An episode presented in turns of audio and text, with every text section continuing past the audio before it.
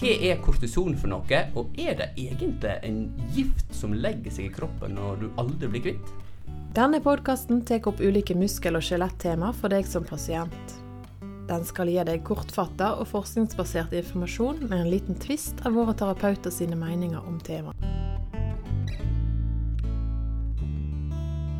Ja, velkommen til en eh, ny episode på Syriakspodden. Og i dag eh, skal vi da snakke om kortison, Edgeir. Det blir eh, faktisk spennende. Ja, det blir det.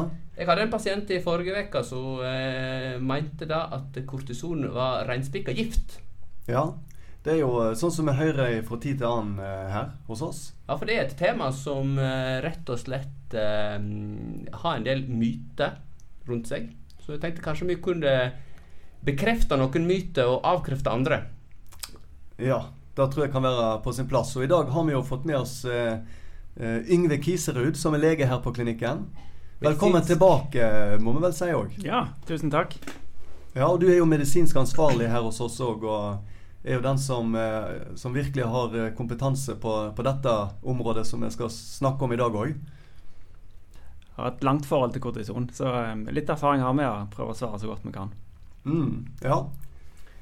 Ja, du er jo eh, spesialist i eh, allmennmedisin og uh, idrettsmedisin. Mm. Og har jobba masse med bruk av kortison og veit en del om når, når det skal brukes, og ikke minst når det ikke skal brukes. Ja, fått litt erfaring. Ja, og I tillegg så bruker du uh, en del ultralyd for å uh, treffe de gangene du skal bruke kortison. Ja, Så det vi har en del myter og fakta vi har lyst til å gå gjennom med deg, og sånn at vi kan kanskje bli litt klokere på hva dette her er. For det er jo en, utvilsomt en god del myter der ute om hva kortison egentlig er for noe. Ja, det stemmer det. Det er mange forestillinger og som dere sier, altså litt av det har jo bakgrunn i at det har jo en del potensielle bivirkninger òg.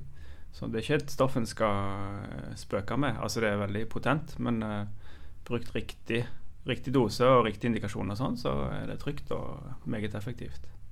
Og det er vel ikke et eh, stoff som er helt eh, nytt på markedet heller. Det er jo uh, brukt en del år, og en har en del erfaring med konsekvensene av dette stoffet etter hvert, skulle jeg tro. Ja.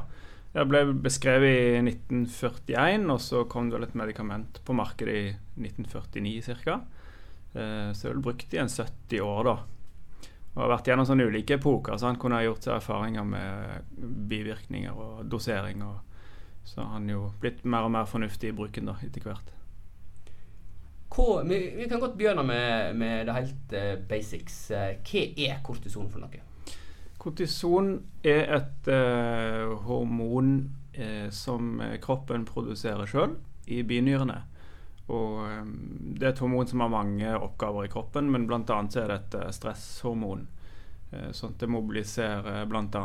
Blodsukker, altså sukker til blodet når du trenger det.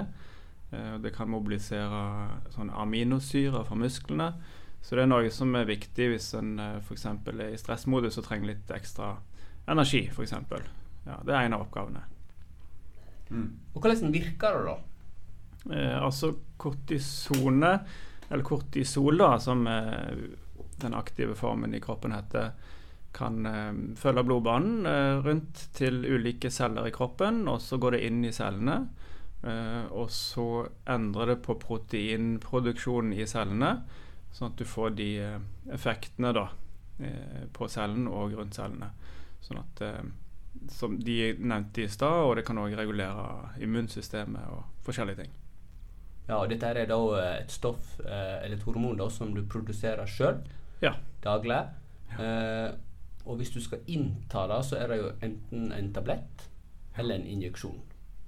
Ja. Og hvis det går, blir inntatt som tablett, så går det jo da i blodbana, og Mhm. du får den effekten. Så har du vondt en skulder og tar en tablett med kortison, så er du avhengig av at det, noe av kortisonen kommer fram til skulderen. Ja, det stemmer. Men hvis du gjør det som en injeksjon, da, går det da òg en del ut i blodbana? Ja, lite grann, men eh, veldig mye mindre.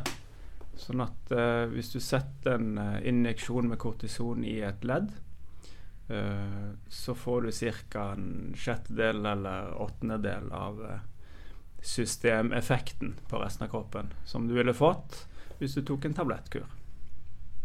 Og hvor lenge varer det, da? En injeksjon varer en sier to til fire uker. Eh, litt avhengig av hva type eh, kortison en sprøyter inn.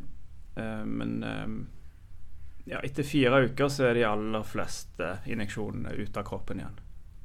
Og vi bruker det jo mest i muskel- og skjelettbehandling. da. Plager i muskel- og skjelettsystemet, naturlig nok her hos oss. da. Men så er det jo òg et stoff som blir brukt til en del andre ting. sant? Det er vel ikke bare, bare en slimposebetennelse, f.eks. At en bruker det på altså kortison, da.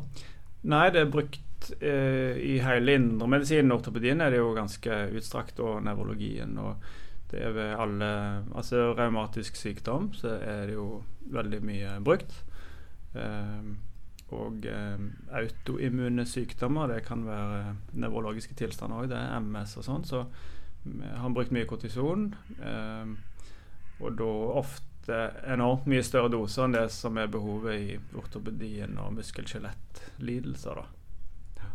Kan en da helt enkelt si at kortison demper en irritasjon? Ja. Hvis vi skal gjøre det veldig enkelt? Ja. Det er ofte derfor vi gir dem muskel-skjelettmedisin, iallfall. Mm. Og hvor lenge Eller hva, hva, hva, er dette med dosering? Hva, kan en få for mye av kortison? Og hva eventuelt er, er resultatet av det? Ja, en kan få for mye. Da er tilbake til den uh, introen der om, om det er en gift. Altså, det meste er jo gift for kroppen hvis en gir for mye. Så uh, en må holde seg til uh, doser som kroppen uh, tåler. Det har en jo et bra erfaringsgrunnlag med etter hvert. Og så er det litt individuelle variasjoner som tilpasser litt, da. I og med at det kan øke blodsukkeret. Um, det kan øke beinomsetningen, så en tar litt ekstra hensyn sant, hvis en har sukkersyke eller beinskjørhet spesielt. Men da er det ofte ved langtidsbehandling, hvis en skal ha mange injeksjoner over mange måneder. Så man tar de hensynene, ja. Altså det, Kortison er ikke et veldig sånn effektivt eh, giftstoff, eh, f.eks. i en Poirot-film.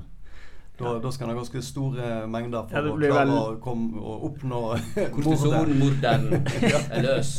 Det er veldig langsom død. Ja. Fire, fire måneders behandling. altså. Ja. Men eh, da eh, kan en eh, jo tenke seg at kortison da er ganske så effektivt for å slå ned irritasjoner. Og da er det vel slimposer og ledd vi først og fremst tenker på. Ja, det er jo eh, to eh, hovedindikasjoner som vi benytter oss veldig mye av. Hva da med scene? En kan bruke det på scener. En må bare være oppmerksom på at uh, det kan være Altså scenen svekkes litt grann i én til to uker etter en injeksjon. Så hvis en på en måte har prøvd alt annet og ikke kommet til målet, så kan enkeltindivider av og til vurdere på scenefeste, men da under informasjon om at en må ta hensyn i perioden etterpå. Um, det er noe med de kroniske sceneforandringene som kortisonet kan virke på, med at det er innvekst av eh, små blodårer og små nerver som egentlig ikke hører til der. da. Og det kan kortison motvirke. Så spesielt utvalgte så kan en vurdere det. da. Er det noen grupper som ikke skal ha kortisonbehandling? De som har hatt eh, allergisk reaksjon på tidligere injeksjoner, eh, der må man jo være forsiktig eller avstå. Og eh, de som har veldig dårlig regulert sukkersyke, der må en iallfall tenke seg godt om, og eventuelt gå ned på dose. De som har en beinskjørhet som gir eh, store problemer, der må en være veldig forsiktig med doseringen. Men som jeg nevnte, så er det så lav systemisk effekt hvis du setter en lokalinjeksjon f.eks. i et ledd, at vanligvis så kan en sette det på disse òg hvis en bare går ned i dose og, og begrenser antall injeksjoner. Er det noen forskjell på uh, bruk av kortison eh, med ultralyd og uten ultralyd i forhold til doser? Nei, doseringen er vel nokså lik, men um, presisjonen er jo større med ultralyd. F.eks. på en skulder så er den spalten en må treffe med nålen på, ganske smal ofte. Og du får større effekt hvis uh, injeksjonen kommer på rett plass. Sånn at da vil du ofte få bedre effekt med samme dosering hvis du gjør det ultralydveileda. Mm. Ja, det er jo litt betryggende å i hvert fall vite at en eh, kan kontrollere at en treffer den strukturen en vil, og Mm. eh, at det iallfall ikke skal stå på at en bommer, da. Nei, det er sant. Mm. Når du først tar det, så Ja. bør det helst virke. Hvem er det som bruker kortison da, av behandlere? Um, nå er jo vi fysioterapeuter. Hvorfor uh, driver vi med injeksjoner? Det er jo en del pasienter som spør. Ja, Er ikke det mer naturlig at eh, det er legen som setter injeksjoner? Det er jo et legemiddel, og et potent legemiddel med potensielle bivirkninger, så det er viktig at en lege er med i vurderingen. Og det er jo litt kontinuerlig oppe til diskusjon eh, i forhold til ulike faggrupper og hvem som har kompetanse til å sette det. Så, men at en lege er med eh, og vurderer i forhold til andre sykdommer og bivirkninger. Og så kan en i samarbeid eh, sette dette her. og Eh, når en har gjort det mye og har eh, god nok kursing, og sånn, så kan lege òg delegere til en fysioterapeut på huset som utfører selve injeksjonen. Ja, for mange har vel kanskje diskutert med fastlegen sin om de kan få ei kortisonsprøyte. Og der er det jo litt forskjellig praksis. Noen fastleger er veldig glad i å sette injeksjoner, mens andre de vil faktisk ikke. Ja. Kommer an på hva bakgrunn fastlegen har, og ulike fastleger har litt ulik interesse og ulik kunnskap. og eh, Av og til kan det være at en eh, ikke driver med injeksjonsbehandling f.eks., og ikke har så mye befaring med det. Eh, og Da kan det være greit å overlate det til noen som har litt spesiell interesse for det feltet.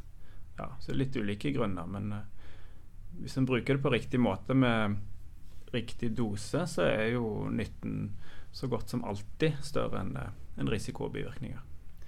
Men eh, da er det sånn at eh, hvis noen kommer inn her og får ei sprøyte, da, eh, så er det, da er det bare rett ut og kjøre på med, med løping og springing og eh, Da er de bra med en gang, eller hvor, eh, hvordan pleier det å være etter Det er at bare, en har fått en sprøyte? Det lurespørsmål.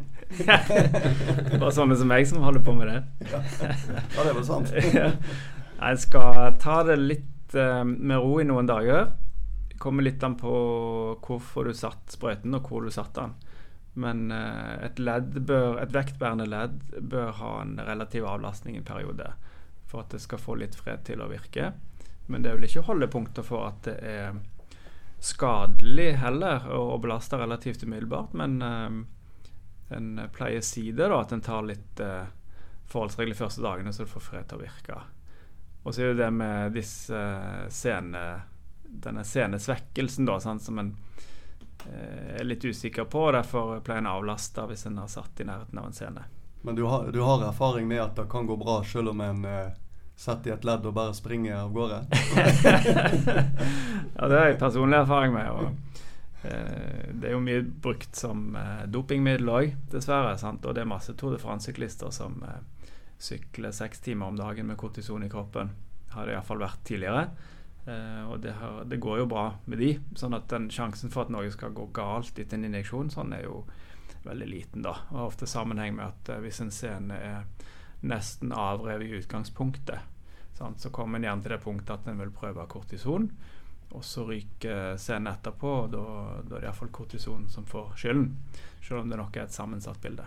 Ja, for Er det ikke litt sånn òg at hvis en har hatt en eh, seneskade over måneder og kanskje år, og så, som er vond, så belaster du ikke så tungt heller. sant? Men hvis Mm. du da setter litt grann eh, kortison på at det blir en smertelindring, så Mm. er det veldig lett for å overbelaste sant? på en struktur som Ja. fortsatt er skada. Det er akkurat det.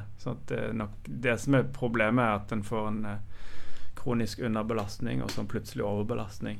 Så en må være obs på det fenomenet. Som du nevner, at kortison det er også litt, litt smertestillende i starten, så at en eh, kan bli lurt eh, i noen dager til å tro at den er bedre enn den er.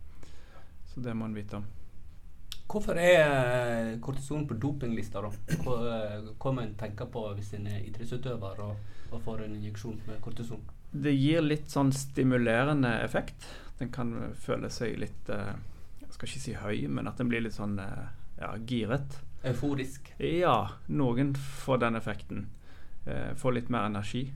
Kan yte litt mer. Og så har det et eller annet med mm, den muskelmobiliseringen å gjøre at en eh, kan miste muskulaturen ikke bruker, men en beholder den en bruker. Som syklist f.eks. så vil du da beholde muskulaturen i beina, og så får du veldig tynne overarmer og tynn overkropp. Som er ansett for å være gunstig hvis du skal sykle fort i motbakke f.eks. Ja, du Geir, fikk jo ei sprøyte i slimposen din her eh, forrige uke. Er du euforisk? Eh, jeg fikk det fordi jeg kløvde for mye ved. Eh, og jeg var, var, ganske euforisk og glad etterpå. Så, men jeg føler meg veldig bra nå.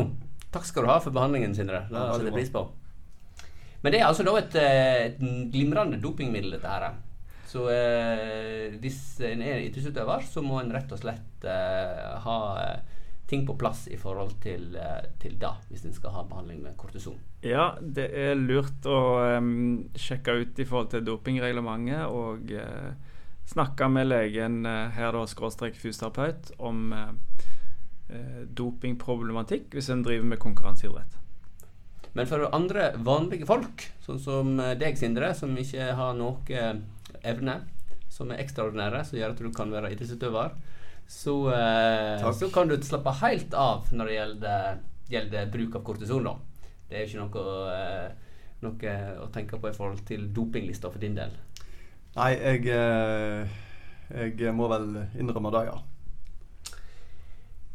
Ellers så er det jo òg sånn at en av og til blander injeksjon, altså kortison og kanskje saltvann.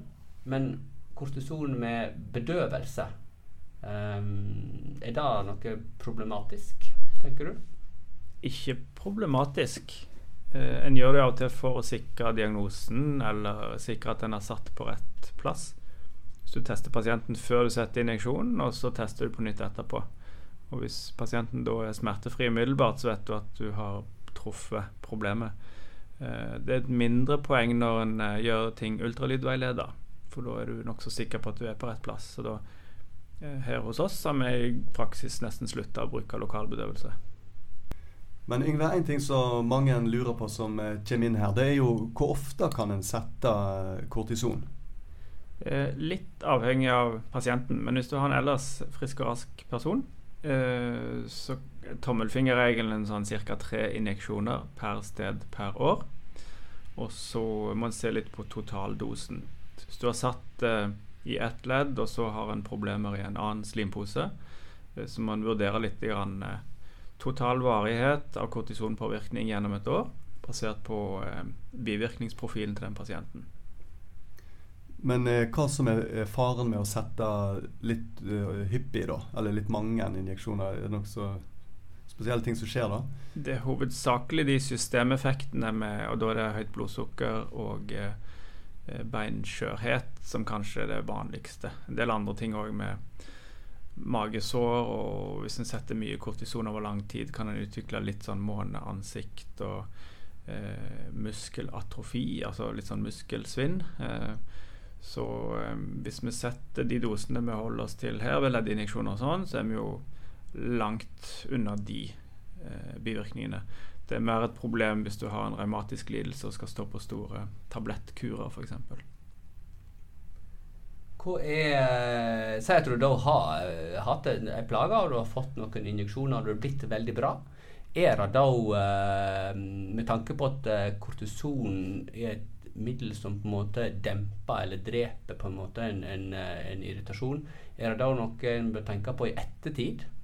Annet enn å tar det med ro selvfølgelig etter injeksjonen, men i tanke på eh, trening og sånne ting. Bør en belaste fullt, eller bør en jobbe seg oppover, eller hva, er, hva bør en tenke på etterpå? Hvis, hvis en er satt i en slimpose, f.eks., i en skulder, så eh, må du få litt fred til å virke i noen dager. Og så etter en ukes tid så kan en godt begynne litt forsiktig trening. Ofte litt sånn tilpassa etter hvem pasienten er, da. Men etter et par uker så står en relativt fritt til å trene sånn som en vil. Og så er det jo som alt annet eh, med denne kroppen vår at en må ha ting litt gradvis. Så at en ikke plutselig går fra én ting til en annen, men at en gradvis bygger opp eh, et, eh, ja, en økende treningsbelastning. Jeg tenker Yngve, at det var veldig bra å få snakka litt om litt myter og fakta rundt kortison. Du som er medisinsk ansvarlig her på eh, klinikken, du eh, snakker sikkert om dette her hver eneste dag, og, og det gjør jo vi òg. Men eh, likevel så er det fint å kunne ha en egen episode om disse tingene her, så en kan få høre litt i fred og ro som pasient. Absolutt. Oppsummert så kan vi vel si at kortison er et eh, vidundermiddel på eh, og eh, på ledd, men ikke spesielt bra på sene og senefeste og muskler. Og den eh, mengden som blir injisert ved en lokal eh, injeksjon, den er ikke spesielt stor i forhold til den mengden som du produserer sjøl ved kortisol i kroppen din, ved binyreden. Og kortisolen, kortisonen den ligger ikke livet ut i kroppen. Den ligger ca. to uker etter at du har fått injeksjonen. Og eh, du bør eh, prøve en del andre tiltak før du prøver kortisoninjeksjon. Som f.eks. trening og avlastning og eh, fysioterapi og, og andre typer behandlinger. At ikke kortison er det første en går for. Takk for eh, episoden, Sindre og Yngve. Sjøl takk. Vi høres snart igjen. Det gjør vi. Ha det bra. Takk for nå. Takk for at du hørte på Syriakspodden. Håper du har fått svar på noe av det du lurte på. Gi oss gjerne en tilbakemelding på hva du syns, og om du har temaer du kunne ønske at vi tok opp. Edgar Gunvordal og Sindre Romerheim er begge spesialister i både muskel- og skjelettfysioterapi og diagnostisk ultralyd, og jobber til daglig på Syriaks klinikk i Bergen.